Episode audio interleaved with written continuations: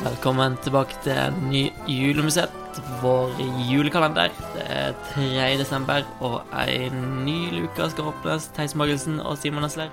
Ja, da er vi godt i gang, og nå har du forhåpentligvis blitt eh, godt kjent med dette formatet vårt. Eh, så da er det ingen overraskelse at det er den 22. beste rytteren eh, i 2019 som vi skal kåre i dagens julemusikk. Og dette er jo en uh, rytter som mange har et uh, Ja, hva skal vi si Et uh, godt kjennskap til, i hvert fall.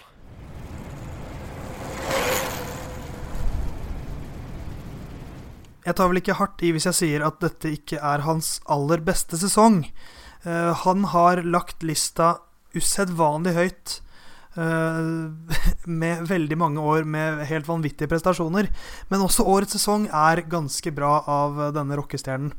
Eh, han er rett og slett eh, gjennom da tre uker i Tour de France, så er han så stabil som han har vært seks ganger tidligere.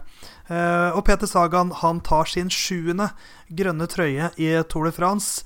Det er ingen som har vunnet flere enn det. Han var Eh, likt med Erik Sabel på seks eh, før årets sesong, er nå den eneste rytteren med syv, og vant med god eh, margin ned til Caleb Ewan. Den grønne trøya vant også den eh, femte etappen foran Wout van Aert og Matheo Trentin, så selv i en til han å være litt eh, ikke-spektakulær sesong, så er det fortsatt en sesong det her som de aller fleste ryttere ville vært veldig fornøyd med. Eller hva, gutta?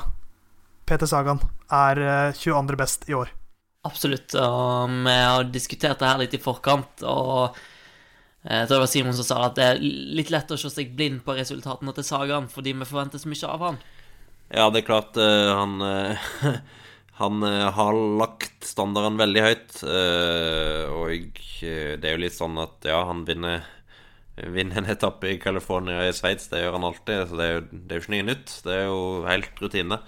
Uh, og vinne en etappe i Tour de France. Helt rutine. Vinne en grønne tøya. Helt rutine. Så det Du forventer at Sagan vinner er rundt ti seire hvert år og en del store seire. Og det er jo den, de store seirene som kanskje har uteblitt i år. da uh, Klassikersesongen ble litt så som så. Det var jo litt sykdom som gjorde at han kom litt småskeivt inn. og det gjorde at uh, han fikk en fjerdeplass i Milano Sanremo. Et ritt som han jo har vært favoritt til å vinne nå i kanskje syv år. Syv-åtte år. Uh, alle vunnet det. Uh, og hadde, strå, hadde, et strålende utgangspunkt nå i år, men gikk på en taktisk blunder på oppløpet og fulgte ikke helt med, dessverre, for hans del. Og ble da nummer fire. Tar jo med en femteplass fra Paris Roubert, og så er han jo òg kanskje den sterkeste i VM-rittet. Det får han jo aldri helt uh, vite. Uh, nå blir det òg altså nummer fem, så mye bra, men det mangler, det, du mangler den store seieren.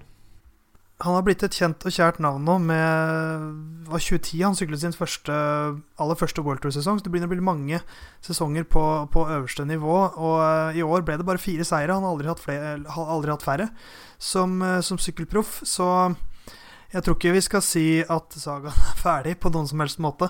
Men uh, eh, 29 år gammel, det kommer yngre ryttere opp som uh, er litt samme typer, Mathieu van der Poel osv., som, uh, som gjør at det blir ikke lettere for han i årene som kommer, men han har samtidig vist, da, med som du sier, Simon, i, VM hvor han var vanvittig sterk. han var blant de beste i San Remo, han var nummer fem i Paris-Roubais. Det er masse, masse, masse seier igjen i Peter Sagan, og sikkert en tre, fire, fem, seks, syv grønne trøyer også, tipper jeg. Ja, jeg tror de som skal slå den rekorden i antall grønne trøyer, de skal holde på lenge. Ja, for han, han må nå tosifra der. Vil jeg nesten tro, altså. Det, det, tror jeg går kun på motivasjon. Ja, hvis han vil. Så lenge han har lyst. Så lenge han har lyst, så klarer han det.